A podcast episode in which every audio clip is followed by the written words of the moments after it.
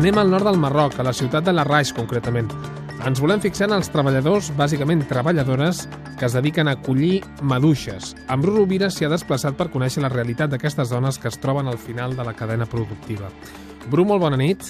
Bona nit. Situa'ns una mica abans. Eh, he dit la ciutat de Larraix, però potser no tothom, no tothom sap on és. Eh, És al nord del Marroc. Eh? És una, antic, eh, una antiga ciutat eh, colonial espanyola. És un, és un territori que està al nord, que és la zona on està precisament la maduixa, eh, la gran producció de maduixa. Mm. I em, com són les condicions de feina d'aquestes treballadores? Dic treballadores perquè bàsicament són dones, eh? Sí, aquí eh, es calcula que hi ha unes, unes 20.000 dones treballant en la maduixa i teòricament les edats haurien de ser d'uns 18 a 30 anys, però n'hi ha moltes que ho fan als 13, 14, 15 anys, no?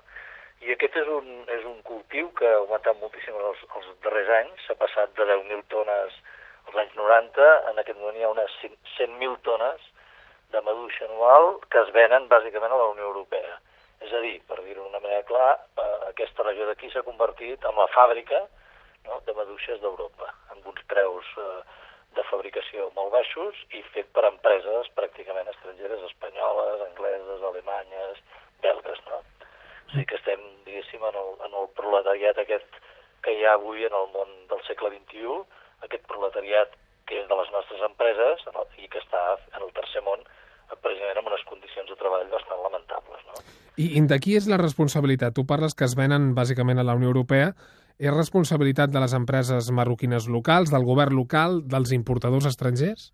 Jo precisament estic en un viatge de- d'Intermón que està fent un projecte aquí perquè el productor estranger, o sigui, el, el comprador, compri maduixes fetes en condicions raonables, no? I llavors estan intentant que aquesta, aquesta producció amb origen tingui unes, unes condicions doncs, de laborals, eh, legals, de salari mínim, de, sani, de sanitari, etc mínimes, no? perquè de fet les empreses que, que compren aquests productes són, són com t'he dit abans, europees. No?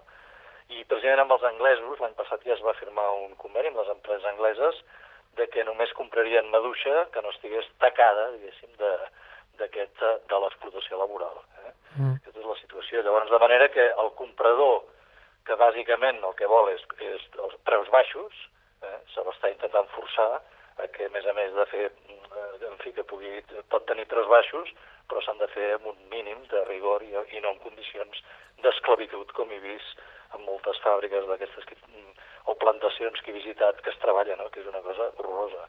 O sigui, són, ja et dic, noies joves, que treballen més de 10 hores seguides, molta, molta, o les que estan a dintre les fàbriques estan dretes tot el rato amb una cadena de producció, les que estan al camp encara és pitjor, aquestes van ajupides amb una caixa a l'esquena i van posant les maduixes, cobren uns 3, 2, 4 euros al dia, eh, poden ser despedides en qualsevol moment, triguen a vegades una hora i mitja, dues hores de transport per arribar al lloc, que se l'han de pagar, i reben abusos, crits, etc etc. no? O sigui, són condicions eh, molt, molt dures, molt dures. I el que estan intentant fer d'entrada és, de, de moment, identificar-les, perquè moltes d'aquestes dones són de poblets, que no tenen estudis, que són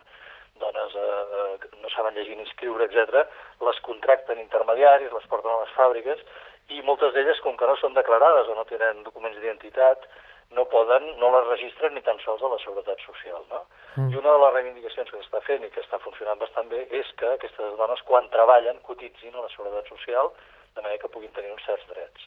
Insisteixo en això de la, de la responsabilitat perquè entenc que això passa de fa temps, ho saben les empreses locals, ho saben els importadors, ho saben les autoritats, però mm, si no és per aquestes campanyes de les ONGs no, no, no es fa res. Potser els que menys informats estan o estem som els consumidors.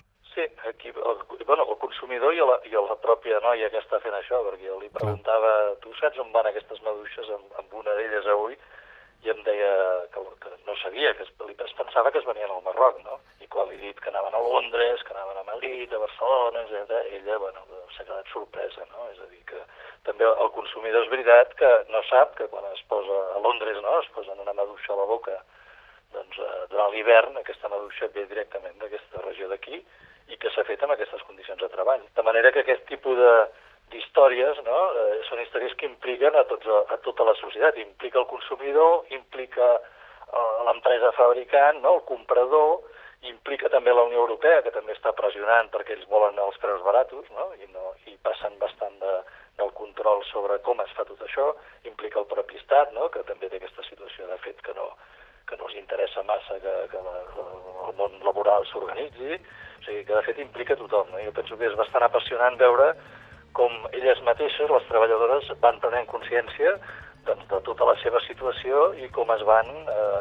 van defensant una mica els seus drets. No? has de pensar que és curiós perquè són societats que eren masculines, no? la dona estava tancada a casa, i en aquest moment la dona és la que porta el principal salari. No? O sigui que hi ha tota una transformació social. No? Mm, implica a tothom. La maduixa al nord del Marroc que després ens mengem aquí a casa nostra. Rovira, moltes gràcies, bon viatge de tornada. Gràcies a vosaltres.